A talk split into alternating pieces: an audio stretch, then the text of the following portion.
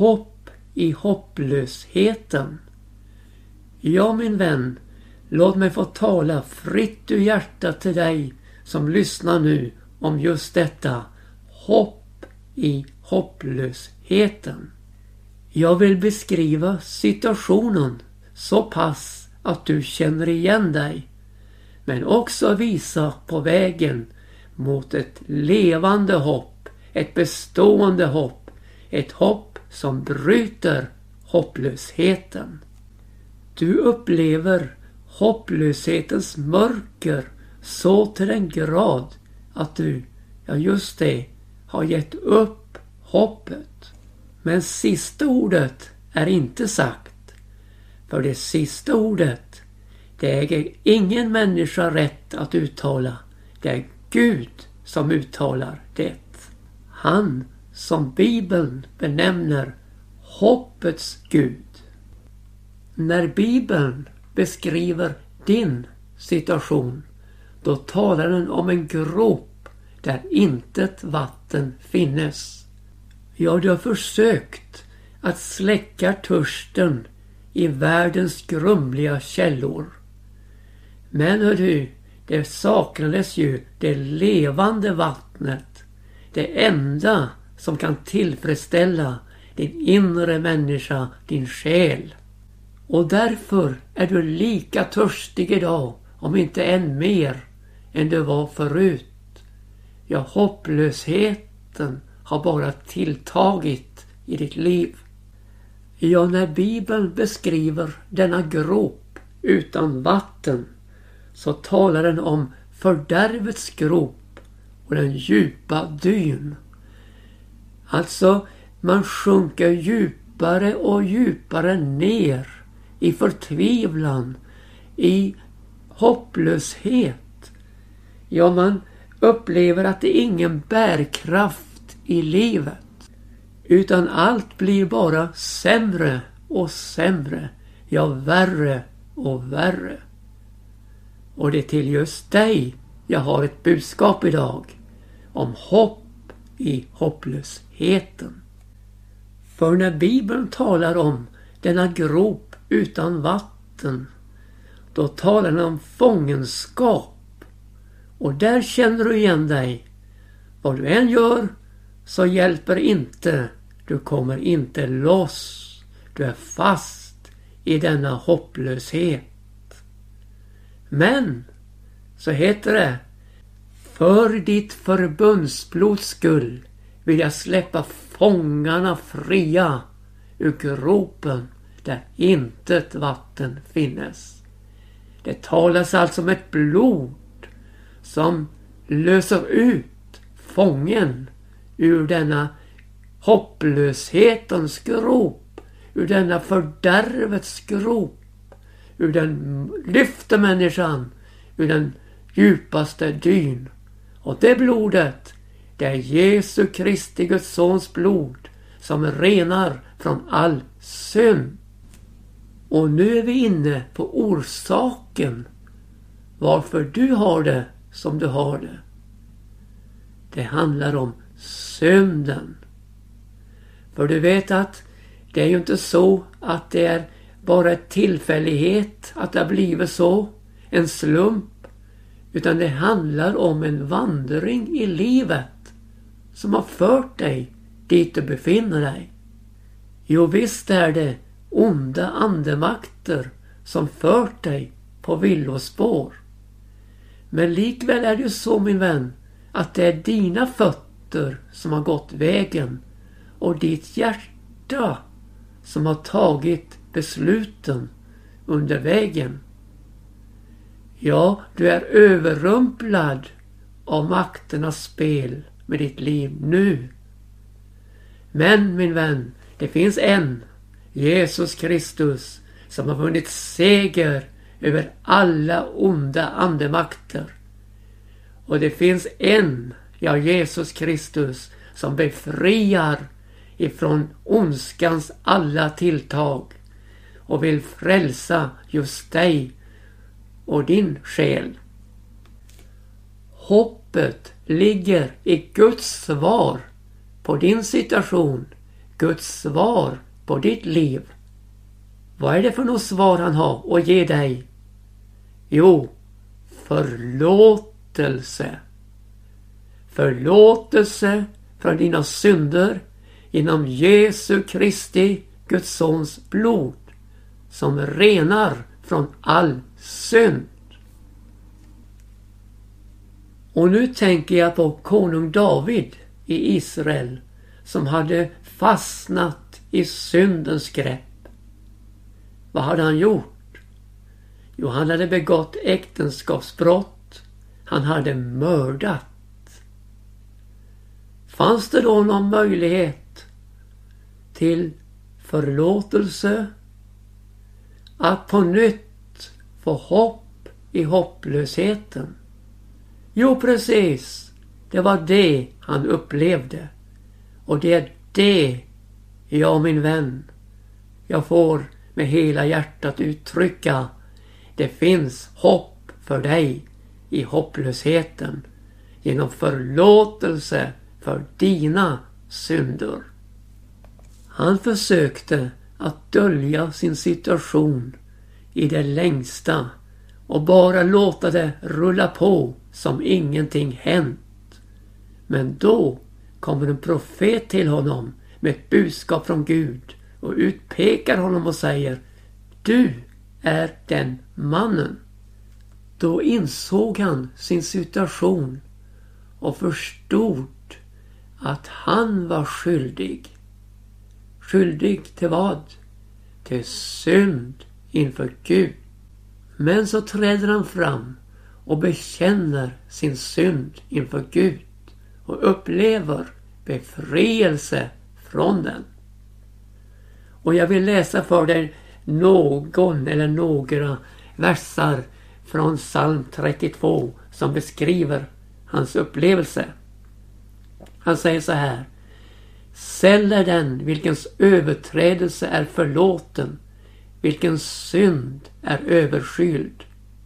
Säll är den människa som Herren icke tillräknar missgärning och i vilkens ande icke är något svek. Så länge jag teg försmäktade mina ben med min ständiga klagan. Ty dag och natt var din hand tung över mig. Min livssaft förtorkades så som av sommarhetta, Sela. Då uppenbarade jag min synd för dig och överskylde icke min missgärning. Jag sa, jag vill bekänna för Herren mina överträdelser. Då förlät du mig min synds missgärning, Sela. Det är just detta vet du som är så viktigt. Att inse sin egen skuld, sin egen synd och inte skylla på andra. Det är ju så populärt att skylla från sig. Det är andras fel alltihop. Nej min vän, vi må koncentrera oss om just detta.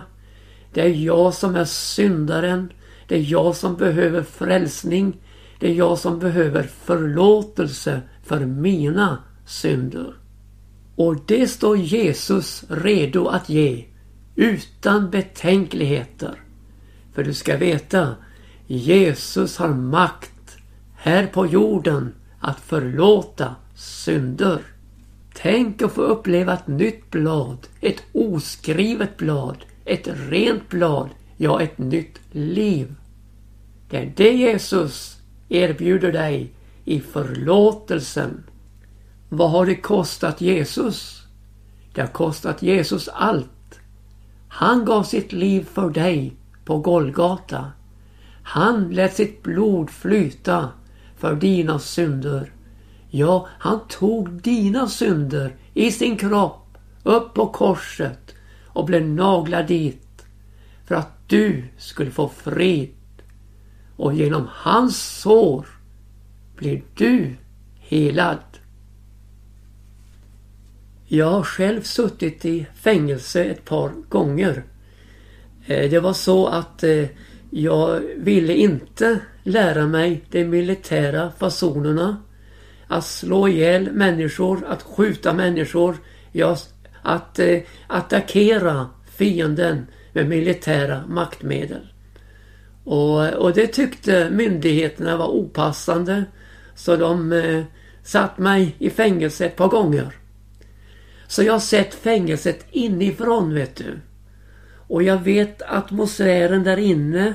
Jag känner till eh, hur det är att sitta och inte komma ut som man vill själv. Och, och jag vet också det att det ju, jag har ju kommit till åren och, och, det är en del år sedan. Så jag vet ju att det har blivit en förråande atmosfär inne i fängelserna. Ja, man till och med man fruktar för sitt liv inne i själva fängelserna. Det är oerhört förråande och det är klart hopplösheten griper fatt och gastkramar dig min vän. Jag känner med dig och förstår i vart fall till en viss del hur du har det. Och Gud lägger på mitt hjärta bördan för att du ska komma loss. Då inte i första hand från fängelset du sitter i utan komma loss från syndens bojor. För min vän, du förstår, det är en sak att sitta med en ofrälst själ i fängelse. Det är en helt annan att vara frälst även om man sitter i fängelse. Det första är svårt att bära. Det andra, det går med Guds hjälp och nåd dag för dag. Och friheten, ja den stundar. Om du än skulle sitta hela livet igenom så finns det en frihet i Jesus Kristus. Och den friheten, den kommer att slå ut i fullständig blom i evigheten. I himlens härliga land. Där Gud också har berett en boning för dig. När du har tagit vara på hans frälsning. Upplevt hopp i hopplösheten. Men så finns det ju också människor som bär med sig fängelset. Det finns inga yttre saker. ja måste möjligtvis en fotboja. Men det finns de som inte har något som helst och likväl upplever fängelsets krympta tillvaro. Hör du, man bär fängelset med sig när man har synden bärande i sitt liv. När man inte har blivit frälst. Då har man ett fängelse man går och bär runt på. Men också för dig så ljuder hoppets budskap. Det finns hopp i hopplösheten. Och om vi sammanfattar något av det här så är det ju så att det finns inga hopplösa fall för Jesus. Han bemästrar allt och alla. Han kan klara av de värsta situationer. Ja, han kan klara av dig, min älskade vän. Och du kan få uppleva en ny inriktning, ett nytt liv. Du kan få uppleva förlåtelse för dina synder. Du kan få uppleva en frid som går, når in i det djupaste i ditt väsen och som kommer att, att bevara dig i Jesus Kristus resten av ditt liv för att en dag få möta honom när han kommer få hämta dem som hör honom till. Tro inte att detta är inlärda fraser, ordklyverier eller ideologi på något sätt. Nej min vän, här finns ett hjärta som är rört för dig och som rör sig för dig för att du ska få uppleva Jesu frälsning. För det finns inget underbarare i livet än att bli frälst, än att få ett möte med Jesus Kristus. Många av våra väckelsekristna föregångare har suttit inne. Och vi möter också detta på Bibelns blad där eh, apostlarna exempelvis fick eh, vara inne i fängelse. Vi har Petrus, ja vi har Paulus, vi har Silas, vi har flera. Och de fick sitta inne på grund av det goda, ja, ja visst. Men de fick dela det som eh, alla andra, ja, förbrytare ja, fick sitta inne för. De fick uppleva instängdheten i fängelset. Och då är det frågan om hur hanterar man den? För du vet, hanterar man den riktigt med Gud och har Jesus Kristus i sitt hjärta, då hanterar man den på ett sätt som gör att hoppet väcks. Ja, hoppet kommer fram och hopplösheten viker. Ibland blev de frisläppta genom ett Guds direkta ingripande. Andra gånger fick de sitta och sitta igen utan att det skedde något på det området. Men hör du, de var fria i Jesus Kristus. Petrus, han låg och sov när undret inträffade. Och Paulus och Silas, de var stadda i bön och lovade Gud med sång. När undret skedde, ut hela fängelsets grundvalar skakade och allas fångarna blev fria. Det var som Gud ackompanjerade deras lovsång när han skakade om hela fängelset ända in i den innersta fängelsehålan. Det var i Filippi det hände. Varför satt de inne? Jo, de satt inne för de predikade evangelium om Jesus. Och då i det sammanhanget så mötte de en flicka med en spårdomsande i sig. Och Paulus tog illa vid sig och drev ut anden i Jesu Kristi namn och flickan blev fri. Tidigare hade hon herrar över sig som tog pengarna som hon tjänade på denna spårdomskonst. Och när dessa såg att det var slut med inkomsterna då tog man en hel folkhop med ett upprört folkhav som reste sig upp emot apostlarna. Och så kom domarna på banan och dömde. Ja, de lät kasta Paulus och Silas i fängelse och gav fångvaktaren en sträng order att förvara honom på ett rimligt sätt. Och han satte dem in i den innersta fängelsehålan med eh, stocken över fötterna för att binda dem till fängelset. Men så kom denna lovsång, denna tillbedjan av den levande guden, denna lovsång till Jesus Kristus. Och fängelset skakar i sina grundvalar och allas bojor löstes. Då blev fångvaktarna förskräckt och tog sitt svärd och ville döda sig själv. Han tänkte, alla fångarna kommit undan här. Men då säger Paulus, ropar till honom, gör dig intet ont, för vi är alla här. Och låt mig inflika här, detta med självskadebeteende. Hör det var många som skadade sig själva i sin ångest, ja i sin hopplöshet. Man skär sig och man behandlar sig på förfärligt vis. Men, min vän, Gud, han bemästrar också en sådan situation. Jesus vill läka såren i din själ och han, ja han vill att din kropp ska vara hel uppleva Guds kraft i ditt liv till frälsning vet du. Där du får uppleva, här behöver jag inte skada mig själv. Men här får jag uppleva att jag får vara i Guds nåd, i Guds frälsning, omsluten av hans eviga armar. Och när fångvaktaren hörde det här så föll han ner på sina knän och sa I herrar, vad ska jag göra för att bli frälst? Då säger Paulus Tro på Herren Jesus så blir du frälst, du med ditt hus.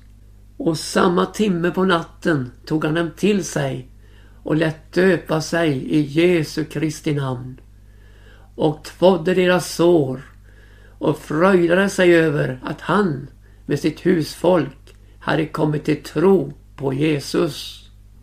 Ja, den glädjen, den saknade han tidigare. Även om han hade nyckelknippan till alla cellerna och kunde göra lite som han ville med fångarna. Men hör du, nu upplevde han undret i sitt liv. Han blev frälst. Han mötte Jesus. Och det är just detta du också kan få uppleva i ditt liv genom tro på Jesus. Vad ska du göra? Jo, du ska också tro på Herren Jesus Kristus. Hur ska du börja? Ja, låt mig rekommendera en sak. Nämn namnet Jesus på dina läppar. Ja, men hjärtat så är det ju inte med. Jo, jo, det är det. Hjärtat är med. För du upplever ju hopplösheten och finner ingen lösning här. Men ser du, så kommer Jesus med sin lösning till dig. Och då upplever du att när Jesus namnet nämns på dina läppar så slår tonen an i hela din själ. Och du upplever, ja, det ljusnar. Halleluja. Det blir, det blir liv in i de döda områdena. Det är det som händer när man blir frälst. För det heter nämligen så här. Var och en som åkallar namnet Jesus ska bli frälst. Åkallan, vad är det? Jo, det är den som håller på att sjunka, som ropar på hjälp. Det är en åkallan. Och där adresserar man den åkallan till den som kan hjälpa. Jesus Kristus, Guds levande son. Han är mäktig, han förmår att hjälpa just dig min vän. Hur ska du tackla omständigheterna runt omkring? Jag tänker på människor som inte vill ditt väl. Börja och be för dem. Och du ska se att hatet viker. Och, och det som är så fruktansvärt mörkt mister sin kraft. När hatet viker och kärleken tar vid då märker du att livets melodi börjar att spela. Kan detta vara möjligt? Ja, det är möjligt i Jesus Kristus. Och kan du tänka dig, där det är som mörkast, lyser ljuset med en enorm kraft. Du vet hur det är, man tänder ett ljus på dagen. Ja, när man ser på det så ser man ju, jo, det lyser. Men om du tänder samma ljus i mörkret. Oj, det lyser upp hela tillvaron. På det viset är det med Jesus Kristus. Det heter i Bibeln Ljuset, alltså Jesus, lyser i mörkret och mörkret har icke fått makt därmed. Det innebär att där i mörkret lyser ljuset med en enorm genomslagskraft. Samma ljus som lyste på dagen besegrar mörkret och hela omgivningen upplyses av samma ljus. Ja, hör du, det är en underbar ljuskraft. Det lyser ut från Jesus i det mörkaste mörker. Och det är underbart. Det gäller för dig. Det kan bli ljust på din stig. Hur ska vi då ställa oss till dom, straff och rättvisa? Ja, nog ska vi ta vårt straff för det våra gärningar förtjänar. här i världen. Men ingen jordisk domare har millimeterrättvisa. Det händer ju att de träffar prick. Men det händer ju också dessvärre att de skjuter vid sidan av. Men hur som helst så låt dig inte påverkas av detta. Utan ta straffet med upphöjt huvud och låt detta få bli en tid då du söker Gud och upplever honom i ditt liv.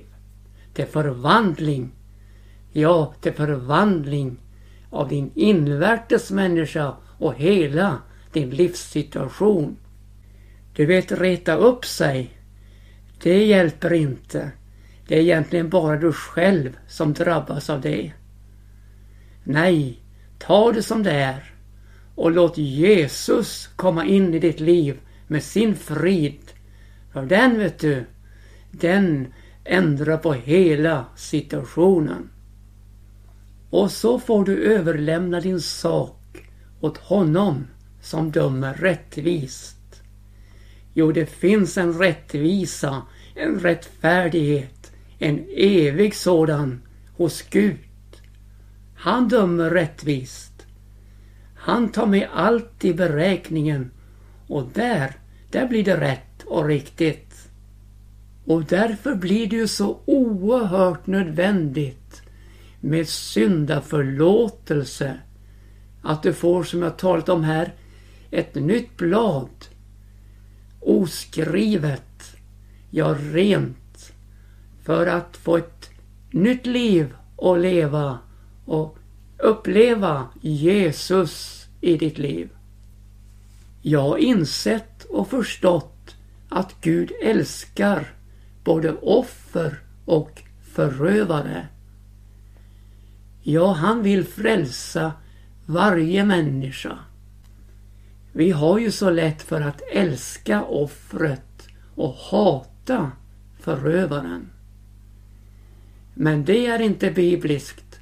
Det är inte Jesu ande. Nej, vi måste älska både offer och förövare med Kristi kärlek. Och så har vi lov till att hata synden.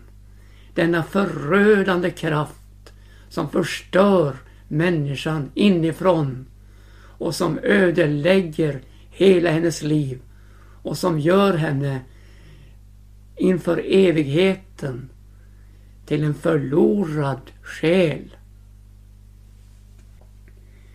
Där vid Golgata kors, där Jesus gav sitt liv för oss syndare, där var två rövare korsfästa tillsammans med honom. Den ene på hans högra sida och den andra på hans vänstra. Och den ene rövaren hänvände sig till Jesus och sa Tänk på mig när du kommer i ditt rike. Den andra hånade bara Jesus. Men du, den som hänvände sig till Jesus, han fick ett underbart svar av Jesus. Vad säger Jesus?